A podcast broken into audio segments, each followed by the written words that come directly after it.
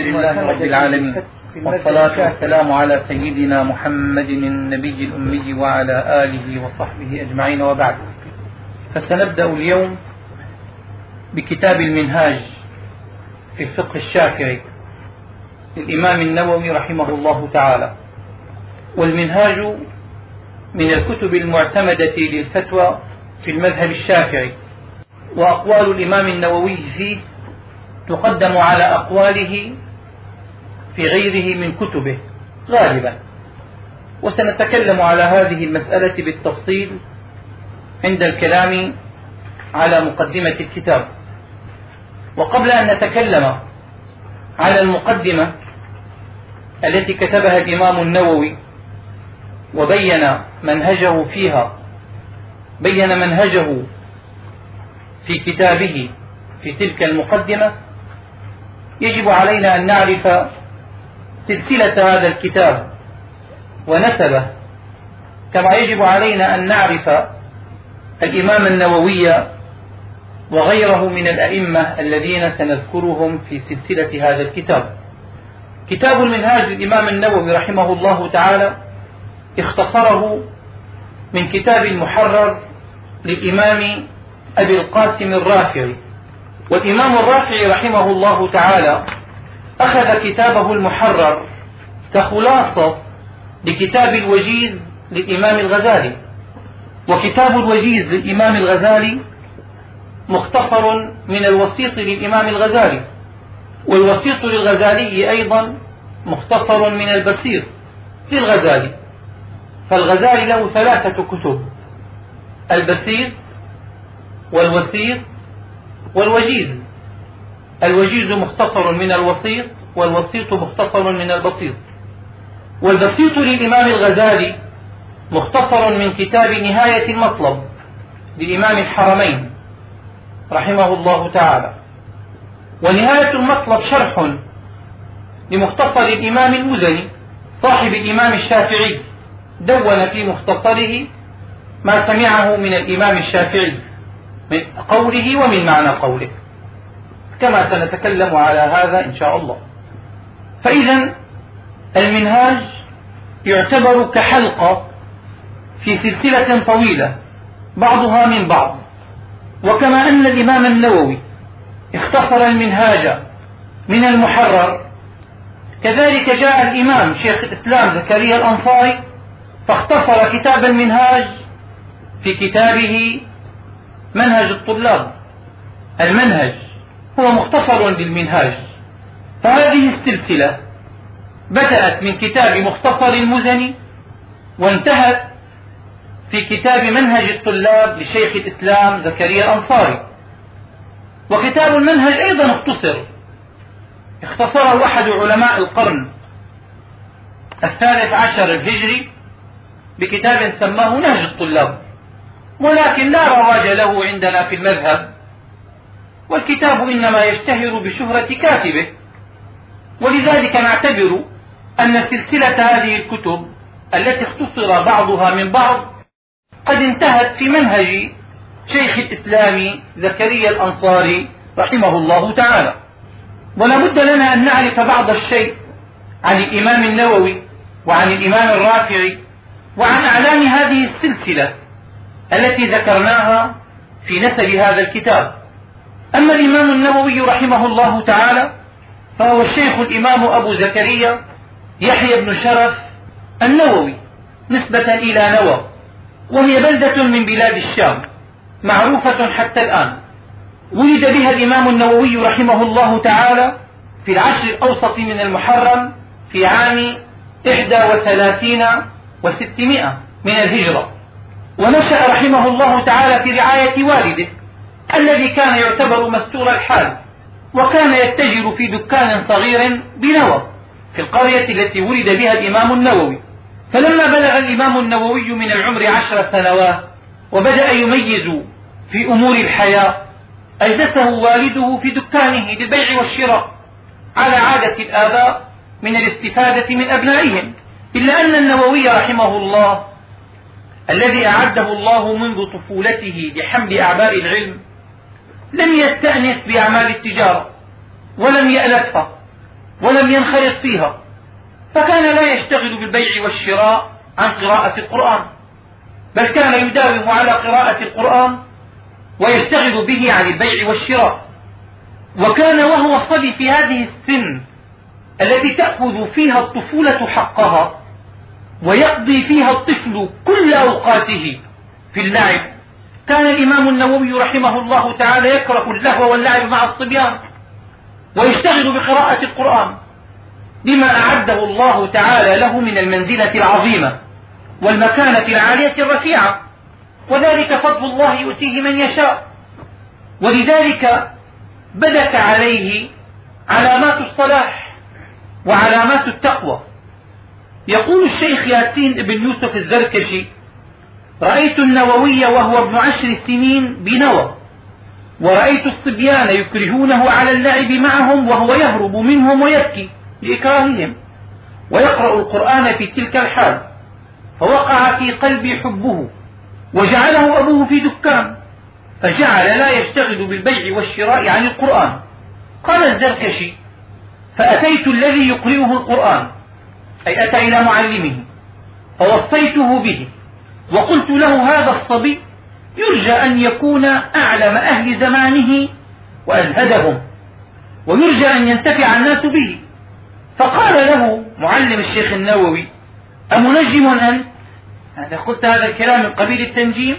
فقلت لا وإنما أنطقني الله بذلك.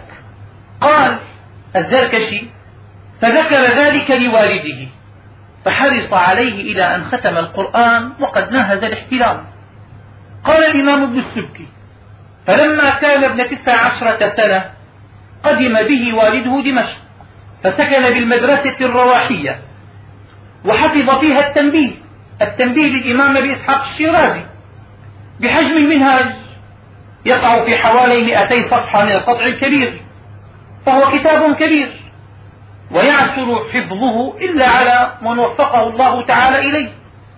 فحفظ الإمام التنبيه في نحو أربعة أشهر ونصف. حفظ كتاب التنبيه كله. وحفظ في هذه الفترة ربع المهذب للإمام الشيرازي أيضا. وطبعا هذه فترة وجيزة. كون الإمام النووي يستطيع أن يحفظ هذا الحفظ في هذه الفترة الوجيزة هذه وحدها كافية لأن تكون كرامة للإمام النووي رحمه الله تعالى. وكان يقرأ في كل يوم اثني عشر درسا عن المشايخ في كل يوم. ليس يقرأ في كل أسبوع درسا واحدا كما نعمل نحن اليوم. نحن نقرأ في هذه الأيام في كل أسبوع درسا واحدا في الفقه. ويثقل هذا على كثير من الشباب على كثير من إخواننا. يثقل عليهم ويجدون فيه مشقة ويجدون فيه جهدا. الإمام النووي ما كان يقرأ في كل يوم درسا وإنما كان يقرأ في كل يوم اثني عشر درسا على المشايخ. شرح وتصحيح وفقه وحديث وأصول ونحو ولغة. إلى أن بارك. وبارك الله له في العمر اليسير ووهبه العلم الكثير. فكان يقرأ درسين في الوسيط الإمام الغزالي. هذا في كل يوم. وثالثا في المهذب للإمام الشيرازي. ورابعا في الجمع بين الصحيحين. ودرسا خامسا في صحيح مسلم. ودرسا سادسا في اللمع لابن جني في النحو. ودرسا سابعا في إصلاح المنطق لابن السكيت في اللغة ودرسا في التصريف ودرسا في أصول الفقه تارة يقرأ في اللمع لأبي إسحاق الشيرازي وتارة في المنتخب للإمام فخر الدين الرازي. ودرسا عاشرا في أسماء الرجال ويقرأ درسا في أصول الدين. قال الإمام النووي وكنت أعلق جميع ما يتعلق بها أي بهذه الدروس من شرح مشكل وإيضاح عبارة وضبط لغة وبارك الله لي في وقتي واشتغالي وأعانني عليه. وبذلك بلغ الإمام النووي ما بلغه من المكانة في تاريخ هذه الأمة في جميع مجالات العلم في الفقه وفي الأصول وفي الحديث وفي اللغة وفي التفسير وفي كل علم من علوم الشرع. وكان أي الإمام النووي كما يقول القطب اليوناني لا يضيع له وقت في ليل أو نهار. ما يضيع وقتا أبدا إلا في وظيفة من الاشتغال بالعلم. حتى أنه في ذهابه في الطريق وإيابه يشتغل في تكرار محفوظاته أو يشتغل بالمطالعة. وبقي على هذا الشكل في هذه الدراسة الجادة الدائبة المتوالية ست سنوات. يقرأ على هذا النحو. وقد مرت عليه سنتان لا يضع فيهما جنبه على الأرض. مرت عليه سنتان لا يضع فيها جنبه على الأرض. وأما كيفية نومه فقد حكى البدر بن جماعة أنه سأله عن نومه فقال إذا غلبني النوم استندت إلى الكتب لحظة وأنتبه. يوفي إغفاءة بسيطة وبعد ذلك ينتبه ويبدأ بالاشتغال بالعلم. شغله طلب العلم عن كل متعة من متع الحياة. ولا شك أن من كان بهذه الهمة العالية لا بد له أن يصل إلى ما يحبه ويتمناه. ولذلك وصل الإمام النووي رحمه الله بجده وطلبه وورعه وتقواه إلى مكانة لم يصلها إلا القليل من علماء هذه الأمة. لأنه ما ترك فنا من فنون العلوم الشرعية إلا وكتب فيه وما كتب في فن إلا وكان إماما فيه. احتاج إليه الموافق له في المذهب والمخالف. فالإمام النووي لا يقال فيه إنه شافعي فقط. فهو شافعي دون في الفقه الشافعي. ولكن علومه يحتاج إليها كل فقيه في عالم الإسلام. يحتاج إليه الشافعي ويحتاج إليه المالكي ويحتاج إليه الحنفي ويحتاج إليه الحنبلي ويحتاج إليه كل عالم من علماء هذه الأمة. بل احتاج إليه الموافقون له في العقيدة والمخالفون حتى إن الشيعة ينقلون عن الإمام النووي رحمه الله تعالى. وما هذا إلا لمكانة هذا الإمام العظيم من العلم في عالم الإسلام. وأما في المذهب فقد انتهت رياسة المذهب إلى الإمام الشافعي في عصره. بل وفي العصور التي جاءت من بعده إلى يومنا هذا فصار شيخ المذهب بلا منازع ولا مدافع. وإذا أطلق الشيخان في المذهب الشافعي فإن هذه الكلمة تنصرف إلى الإمام النووي وإلى الإمام الرافعي رحمهما الله تعالى. وإلى جانب هذه المكانة العالية في العلم التي حصل عليها بدأبه وجده واجتهاده كان على جانب عظيم من الزهد والورع يحاكي فيهما الإمام الشيرازي. الذي تولع بكتبه. كانت كتب الشيرازي ذريعة تفصيل وكان الإمام النووي متولعا بها ولذلك حفظ الربع المهذب وحفظ التنبيه كاملا. فتأثر بصاحبهما بالإمام أبي إسحاق الشيرازي الذي كان على جانب من الزهد والورع ما يحاكيه فيه إلا القليل من أبناء أمتنا. فكان الإمام النووي رحمه الله تعالى على هذا الجانب العظيم من الزهد والورع. صلت إليه بركة الإمام الشيرازي من خلال كتبه التي قرأها الإمام النووي. فكان الإمام النووي رحمه الله ما يأكل في اليوم والليلة إلا أكلة واحدة بعد العشاء. وأما قوته فكان من قبل والده يرسل له والده في كل شهر شيئا يسيرا من الطعام فيوزعه على أيام الشهر. ولا يأكل من مصدر آخر. وكان لا يشرب إلا مرة واحدة في السحر. يشرب مرة واحدة في السحر ويأكل مرة واحدة بعد العشاء. وكان إذا شرب لا يشرب الماء البارد يشرب الماء المعتدل على خلاف ما نحن عليه في هذه الأيام. وكان لا يأكل اللحم إلا إذا توجه إلى نوى. ما يأكل اللحم لأنه يحرمه على نفسه. ولكنه ما كان يتاح له أكل اللحم الحلال الذي يأنس به إلا في بلده نوى. ولذلك ما كان يأكله إلا إذا ذهب إلى نوى. وكان من ورعه رحمه الله أنه لا يتناول شيئا من فاكهة دمشق. مكث في دمشق تلك الفترة الطويلة من الزمان وما تناول فيها فاكهة من فواكه دمشق. لماذا لم يتناول من فاكهة دمشق؟ قال لما في بساتينها من كثرة الوقف. كانت كثير من بساتين دمشق موقوفة. وكثير من الناس تملك تلك الأوقاف فاختلط فيها الحلال بالحرام. فكان الإمام النووي رحمه الله تعالى ما يأكل من فاكهة دمشق خشية من أن يأكل من بستان كان وقفا. فهو يتمثل قول النبي صلى الله عليه وسلم دع ما يريبك إلى ما لا يريبك. لا يكون إيمان المرء كاملا حتى يدع ما لا بأس به خشية مما به بأس. فمن اتقى الشبهات فقد استبرأ لدينه وعرضه. فكان الإمام النووي رحمه الله تعالى يطبق هذا على نفسه وكان لا يقبل من أحد شيئا. إذا تقدم إليه أي إنسان بشيء ما يقبله منه ودرس بدار الحديث الأشرفية ولم يتناول فلسا واحدا. ومناقب الإمام النووي رحمه الله تعالى أشهر من أن تذكر وأكثر من أن تحصر. ولا يمكننا أن نأتي عليها في هذه الترجمة الوجيزة وفي هذا الزمن القليل. الإمام النووي لم يعمر. كما سمعتم قبل قليل ولد في عام 631 من الهجرة وتوفي عام 676 أي أنه عاش 45 سنة. لكنه في هذه المدة الوجيزة من العمر استطاع أن يترك لنا تراثا علميا ما يستطيع الإنسان أن يقرأه. لا أقول ما يستطيع أن يكتبه. أقول لا يستطيع الإنسان أن يقرأه في مثل هذه الفترة التي كتبه بها الإمام النووي رحمه الله. لأنه كما رأينا لما كان عمره عشر سنوات ما كان يكتب شيئا. كان مشغولا بحفظ القرآن الكريم. ولعله بدأ في طلب العلم متأخرا. فإذا افترضنا بأنه بدأ في طلب العلم في هذه السن المبكرة معنى ذلك أنه متى بدأ بالتأليف؟ قطعا ما بدأ بالتأليف في هذه السن. يعني كان عمره لا يقل عن عشرين عاما حينما بدأ بالتأليف والله أعلم. معنى ذلك أنه كتب كل هذه المؤلفات في خمسة وعشرين عاما. مؤلفات الإمام النووي رحمه الله تعالى وأعني بها الكتب الكاملة.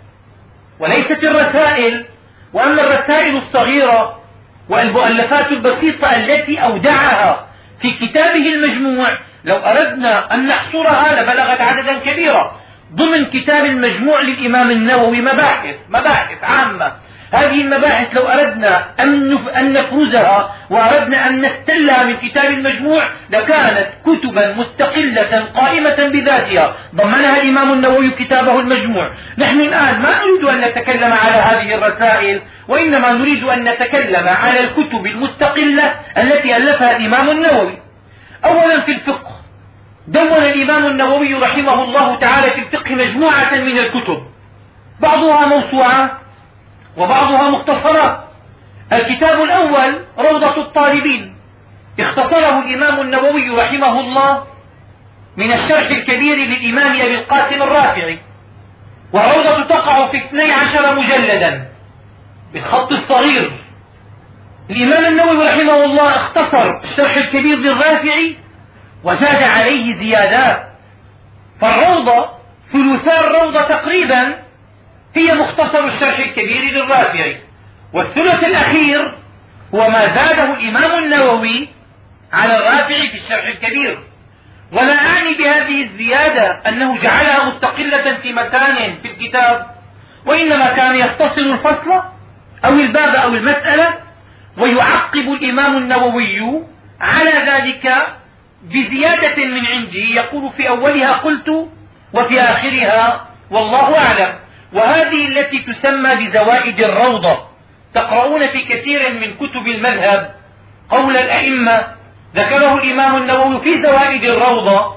زوائد الروضة ليست كتابا مستقلا وإنما هي الأمور التي أضافها الإمام النووي رحمه الله تعالى في الروضة زيادة عما اختصر به كتاب الرافعي الشرح الكبير. فالروضة تقع في 12 مجلدا. الكتاب الثاني في الفقه هو المنهاج الذي اختصره من المحرر الرافعي. ولم يختصر فقط محرر الرافعي وإنما ذكر عليه أيضا زيادات. وذكر على الرافعي استدراكات تقدر بثلث المنهاج. إذا ثلثا المنهاج مختصر من المحرر للإمام الرافعي. وأما ثلثه فهي زيادات واستدراكات وإيضاحات من قبل الإمام النووي على الإمام الرافعي رحمه الله تعالى. والكتاب الثالث العمدة في تصحيح التنبيه وهي نكت وملاحظات دونها الإمام النووي رحمه الله على التنبيه للإمام الشيرازي. وله كتاب رابع أيضا في التنبيه اسمه التحرير في ألفاظ التنبيه. شرح به ألفاظ التنبيه شرح لغوي تقريبا. الكتاب الخامس الإيضاح في مناسك الحج. الكتاب السادس الفتاوى. منها ما جمعه تلميذه ابن عطار. جمع فتاوى الإمام النووي ومنها ما كان بخط الإمام النووي نفسه. الكتاب السابع دقائق الروضة. وصل به إلى كتاب الصلاة ولم يتمه. الكتاب الثامن تحميس الغنائم. الكتاب التاسع وهو رسالة صغيرة. التلخيص في الإكرام والقيام. والكتاب العاشر شرح الوسيط للغزالي شرح منه قطعة ولم يتمه. والكتاب الحادي عشر التحقيق وهو من أدق الكتب وأشهرها عندنا في المذهب. وصل فيه إلى صلاة المسافر ولم يتمه وهو كالمختصر لشرح المهذب. والكتاب الثاني عشر تحفة الطالب النبي في شرح مواضع من جميع كتاب التنبيه. أيضا شرع به ولم يتمه. الكتاب الثالث عشر مهمات الأحكام. وصل به إلى طهارة البدن والثوب ولم يتمه. هذه كتب لم يتمها. والكتاب الرابع عشر الأصول والضوابط. وهي رسالة صغيرة. قمت بتحقيقها أنا وستنشر قريبا في مجلة معهد المخطوطات في جامعة الدول العربية. والكتاب الخامس عشر هو المجموع. شرح المهذب. وهو الكتاب الذي لا يخفى على أحد.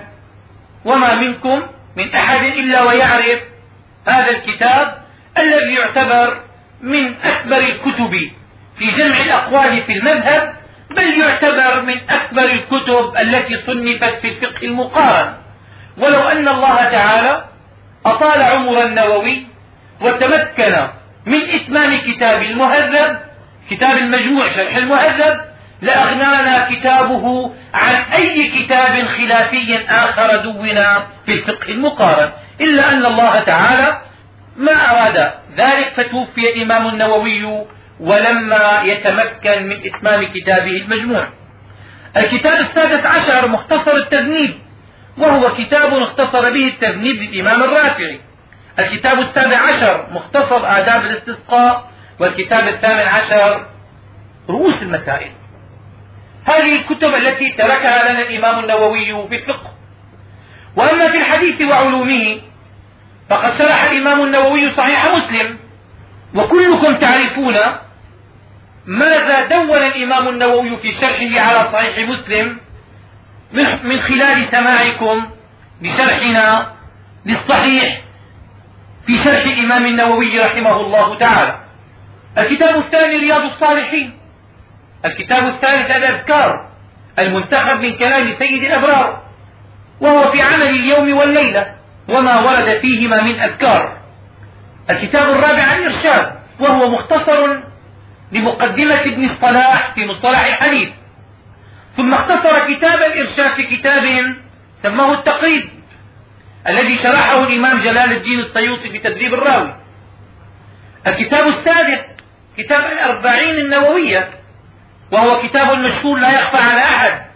وربما يظن كثير من الناس أن هذا الكتاب من الكتب الصغيرة التي لا يلقى لها البال ولكن هذا خطأ. الإمام النووي صحيح هي في حجم بسيط.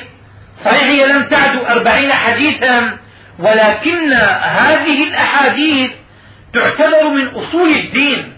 ذكر الإمام النووي في هذه الأربعين التي اختارها الأسس العامة لشريعة الإسلام. ذكر الأمور التي يقوم عليها هذا الدين الحنيف. ولذلك من حفظ الأربعين وأن يحفظها لأولاده لأنها من أصول الدين وقواعده. من حفظها حفظ أصول الدين العامة أركان هذا الدين العامة. مع الأسف اليوم لا يحفظها الكبار ولا يحفظها الصغار ولكن هذا واجب. يجب علينا أن نحفظها نحفظ الأسس العامة لهذا الدين في هذه الأربعين التي اختارها الإمام النووي. والنووي ليس الوحيد الذي اختار الأربعين. كثير من العلماء من كان يختار مجموعة من الأحاديث في تصوره أنها الأسس التي تقوم يقوم عليها الدين. لكن أشهر هذه الكتب التي اختيرت هي كتاب الأربعين النووية للإمام النووي رحمه الله. شرح أيضا صحيح البخاري إلا أنه ما أتمه. شرح به بدء الوحي والكتاب الذي وراءه. شرح سنن أبي داود وصل به إلى الوضوء ولم يتمه أيضا. أملى إملاء على حديث النبي عليه الصلاة والسلام إنما الأعمال بالنيات؟ وله كتاب الأمال في الحديث والخلاصة في أحاديث الأحكام وصل فيه إلى الزكاة ولم يتمه. وله أيضا كتاب اسمه جامع السنة شرع فيه ولم يتمه. وأما في العلوم الأخرى فله كتاب مناقب الشافعي اختصر به مناقب البيهقي ومختصر أسد الغابة في حياة الصحابة لابن الأثير وله كتاب بستان العارفين وكتاب أدب المفتي والمستفتي وكتاب التبيان في آداب حملة القرآن وكتاب تحفة الطلاب في الفضائل وتهذيب الأسماء واللغات وهو من نفائس الكتب. التي صنفت في بابها وموضوعها. بالنسبة للأمور اللغوية وبالنسبة للتراجم التي ذكرها الإمام النووي رحمه الله إلا أنه سوده ولم يبيضه توفي رحمه الله قبل أن يتمكن من تبييض هذا الكتاب. ولذلك حينما يطالع الإنسان فيه يجد فيه كثيرا من الثغرات وكثيرا من السقط وما السبب في ذلك إلا أن الإمام النووي لم يتمكن من تبييض هذا الكتاب أو أنه لم يتمكن من إتمامه فكان يجمع فيه المادة إلا أنه ما تمكن من إتمامها. وله كتاب طبقات الفقهاء. توفي النووي رحمه الله تعالى في الثلث الأخير من ليلة الأربعاء في الرابع والعشرين من رجب سنة ست وسبعين وستمائة من الهجرة. رحمه الله تعالى ورضي عنه وأرضاه ونفعنا به وبكتبه وجعلنا من الذين يتأسون بسلف هذه الأمة ويقتدون بمنهجهم. الإمام النووي رحمه الله اختصر كتابه المنهاج هذا أنا الآن ما أريد أن أتكلم على الكتاب من حيث هو سنتكلم عنه عند الكلام على المقدمة وإنما نتكلم على السلسلة ومؤلفيها. الإمام النووي اختصر كتابه المنهاج من كتاب المحرر للإمام أبي القاسم الرافعي. الإمام أبو القاسم الرافعي رحمه الله تعالى ما يقل شأنا عن الإمام النووي في الجمع والتحقيق والترجيح في المذهب. وقبل الإمام الرافع والنووي كانت أقوال فقهائنا الشافعية منتشرة. وكان الإنسان يقرأ لعله من أكثر المذاهب تأليفا مذهب الإمام الشافعي رحمه الله تعالى. أكثر فيه الشافعية من التأليف وانتشرت الأقوال وتعددت المناهج ولذلك كان يعثر على الإنسان أن يعرف الرأي في المذهب وإنما كان يقول هذا قول فلان وهذا قول فلان وقال فلان وفلان وفلان بكذا. لكن ما كان يوجد كتاب يعتمد للفتوى على مذهب الإمام الشافعي إلى أن جاء الشيخان الكبيران الإمامان العظيمان أبو القاسم الرافعي والإمام النووي رحمهما الله. فالإمام الرافعي رحمه الله تعالى لما صنف كتابه المحرر الذي يعتبر كالخلاصة لكتاب الوجيز للإمام الغزالي ذكر به الراجح في المذهب والمعتمد من الأقوال. فكان الإمام الرافعي من أوائل الذين وحدوا أو جمعوا أقوال أصحابنا في المذهب وبينوا الراجح من المرجوح منها. ولذلك قال كثير من أصحابنا لولا الرافعي لما كان النووي لأن النووي استفاد فائدة عظيمة من كتب الإمام الرافعي. نعم النووي استدرك على الرافعي وزاد عليه زيادات كثيرة ولكن الفضل الأعظم للإمام الرافعي لأنه هو الذي جمع شوارد المذهب وجمع دقائق وجمع أقوال أصحابنا في كتابه الشرح الكبير. شرح به الوجيز للإمام الغزالي. الإمام الرافعي شرح وجيز للإمام الغزالي بشرحين الشرح الأول الشرح الكبير والشرح الثاني الشرح الصغير. أما الشرح الكبير فقد دون به معظم ما قاله أصحابنا في المذهب في المسألة الواحدة. ولكنه ما رجح به كما رجح في المحرر ولا رجح به كما رجح الإمام النووي في المنهاج. جاء الإمام النووي رحمه الله إلى كتاب الشرح الكبير للرافعي فاختصره في كتاب الروضة. قراءته للكتاب واختصاره له في كتاب الروضة. واطلاعه على غيره من الكتب أعطاه ملكة أعطاه ذخيرة عظيمة في فقه الإمام الشافعي رحمه الله. الإمام الرافعي شرح الوجيز للإمام الغزالي في شرحين الشرح الكبير والشرح الصغير. وفي نفس الوقت أخذ كتابه المحرر كخلاصة لكتاب الإمام الغزالي الوجيز. الإمام الرافعي توفي عام 623 من الهجرة في شهر ذي القعدة. ونقل الإمام ابن السبكي عن ابن الصلاح عن الصفدي أنه قال توفي في آخر ذي القعدة في آخر عام 23 أو في أول 24 ولذلك نجد بعض المؤرخين يؤرخ وفاة الرافع عام 624 من الهجرة. ونجد بعض المؤرخين يؤرخ وفاته في عام 623 من الهجرة. السبب في ذلك أنه توفي في آخر عام 23 ولذلك اختلفت الرواية في وفاة الإمام الرافعي. فبين وفاة الإمام الرافعي وميلاد الإمام النووي سبع سنوات. لأن النووي كما رأينا ولد في عام 31 631 من الهجرة. فإذا توفي الرافعي في عام 623 فاصل ما بين وفاة الإمام الرافعي وميلاد الإمام النووي تقريبا سبع سنوات. الإمام الرافعي له كتب كثيرة غير الشرح الكبير والشرح الصغير والمحرر فله شرح مسند الإمام الشافعي. مسند الإمام الشافعي هذا يظن كثير من الناس أن الإمام الشافعي هو الذي دونه. الإمام الشافعي رحمه الله تعالى ما دون المسند وإنما أملى الإمام الشافعي كتبه القديمة والجديدة في بغداد وفي مصر. وكان إذا أملى فقهه يملي الدليل عليه ولذلك من يقرأ منكم كتاب الأم للإمام الشافعي يجد المسألة ويجد دليل المسألة بما يذكره الإمام الشافعي من أحاديث النبي صلى الله عليه وسلم لأسانيده عن شيوخه. من جاء بعد الإمام الشافعي جاء الإمام أبو العباس محمد بن يعقوب الأصم متوفى عام 346 من الهجرة. روى عن الربيع بن سليمان المرادي الذي يعتبر راوية الإمام الشافعي روى عنه كتب الإمام الشافعي واستخلص منها مسند الإمام الشافعي. إذا الأحاديث التي استدل بها الإمام الشافعي على فقهه. فمسند ليس تصنيف الإمام الشافعي وإنما هو ما استخلصه الإمام الأصم من كتب الإمام الشافعي. وكذلك استخلص الإمام الطحاوي المشهور كان في بداية حياته الطحاوي كان شافعي المذهب. وبعد ذلك وقع بينه وبين خاله المزني كلام وترك مذهب الإمام الشافعي وانتقل إلى مذهب الإمام أبي حنيفة.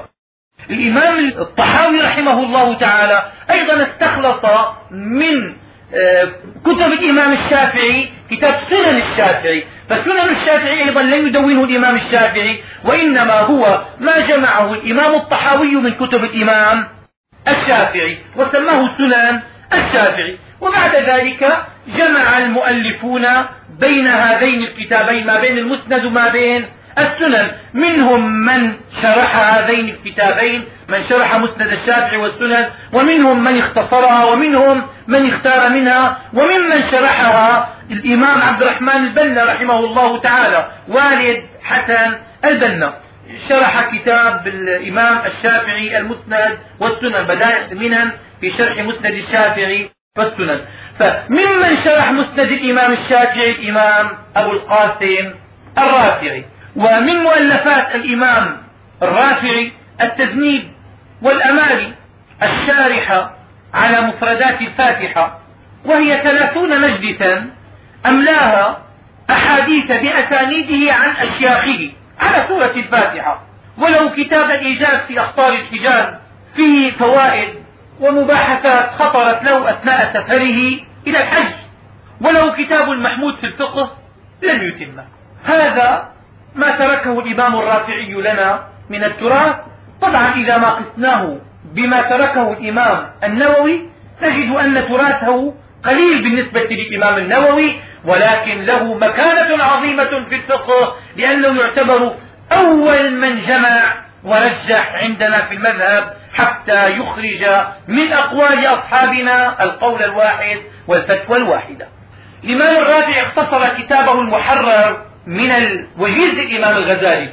هو لم يذكر في المحرر بأن كتاب المحرر مختصر من الوجيز. ما ذكر هذا؟ ولكنه وخلاصة ما في الوجيز. من الأقوال وخلاصة ما في الوجيز من الفقه. شرح الوجيز بشرحين في الشرح الكبير والشرح الصغير. والشرح الكبير كبير جدا يقع في حوالي ثلاثين مجلدا ليس كتابا صغيرا.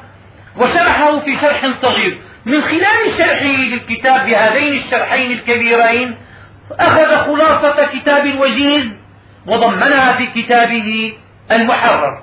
الوجيز للإمام الغزالي الإمام الغزالي حجة الإسلام ما يخفى ذكره على واحد منكم وهو أعرف من أن يعرف ما يحتاج الإمام الغزالي رحمه الله تعالى إلى تعريف فهو من أكبر أعلام الإسلام ومن أشهرهم. الإمام الغزالي كان مغرما بأحد الأئمة من أصحابنا الشافعيين أيضا يقال له الإمام الواحدي صاحب التفسير. الواحدي هذا له ثلاثة كتب في التفسير البسيط والوسيط والوجيز وكان الإمام الغزالي مغرما بالإمام الواحد وبكتبه في التفسير وكان دائما مطالعة لها ولذلك لما صنف كتبه في الفقه صنف ثلاثة كتب وسماها بأسماء كتب الإمام الواحدي حبا به. فسمى البسيط في الفقه والوسيط في الفقه والوجيز في الفقه. فالوجيز مختصر من الوسيط والوسيط مختصر من البسيط.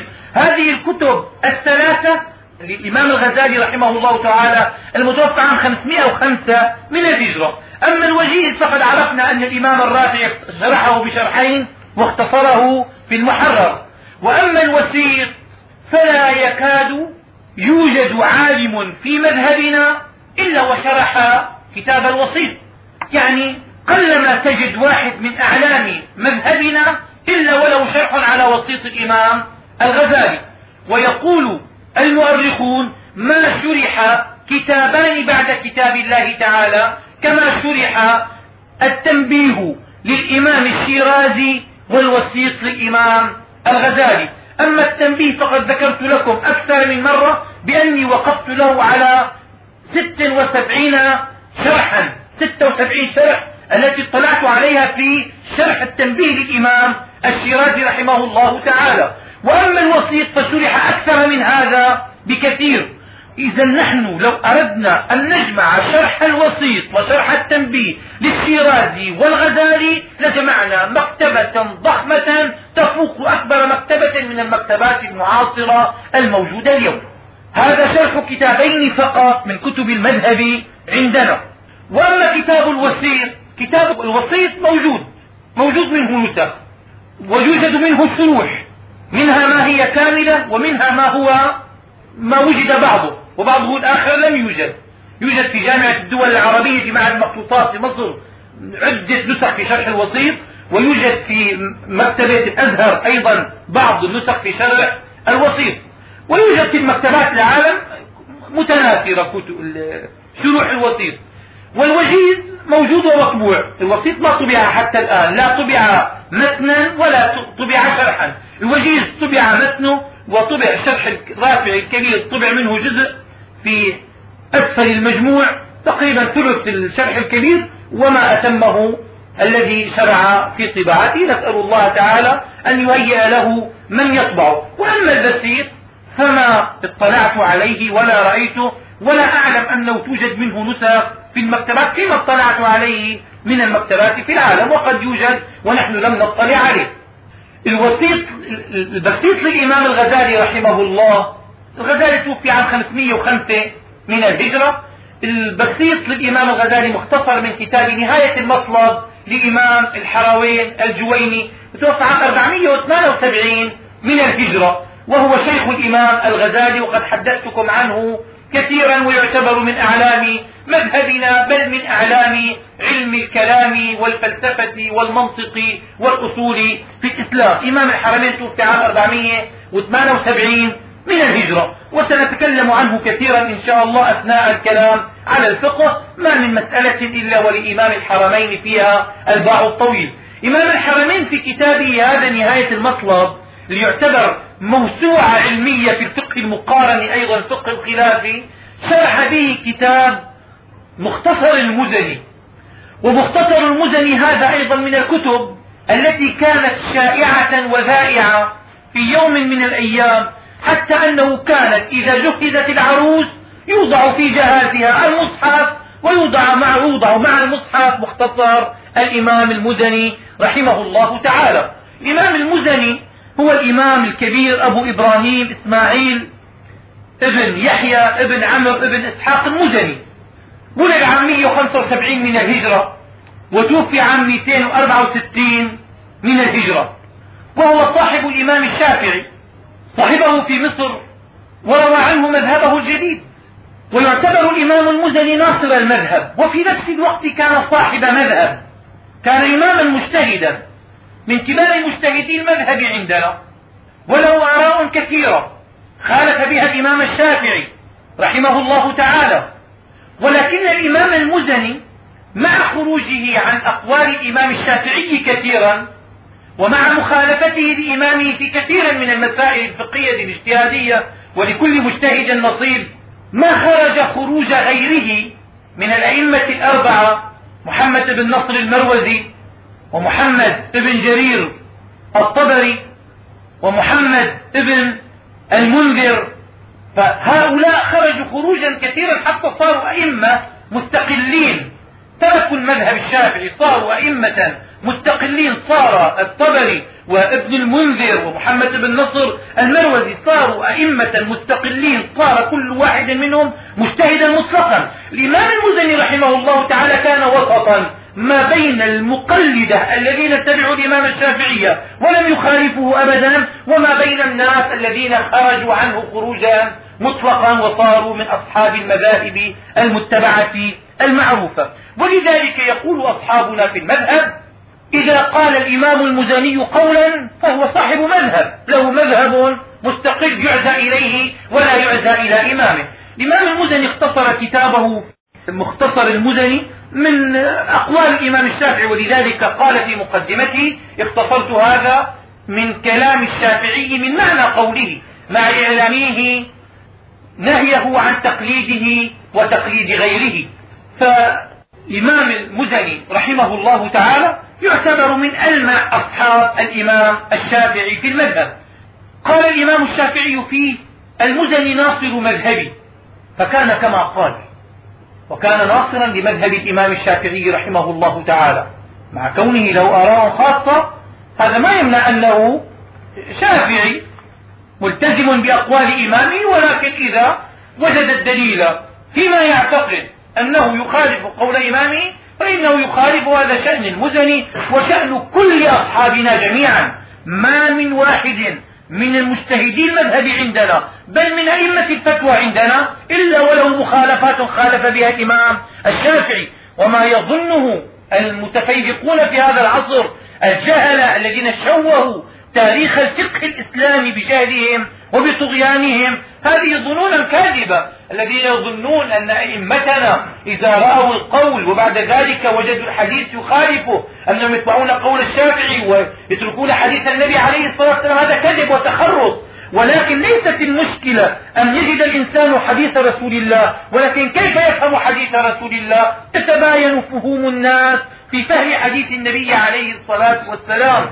فبعضهم يفهم ما يؤيد قول الشافعي وبعضهم يفهم فهما آخر فيخالف الإمام الشافعي. ليست المسألة أنه عثر على الحديث أو لم يعثر عليه. الحديث موجود والشافعي ذكره في كتبه. ولكن المشكلة أن الشافعي فهمه فهما وبعض أصحابه قد يفهموا فهما آخر فيخالف إمامه ولا مانع في هذا.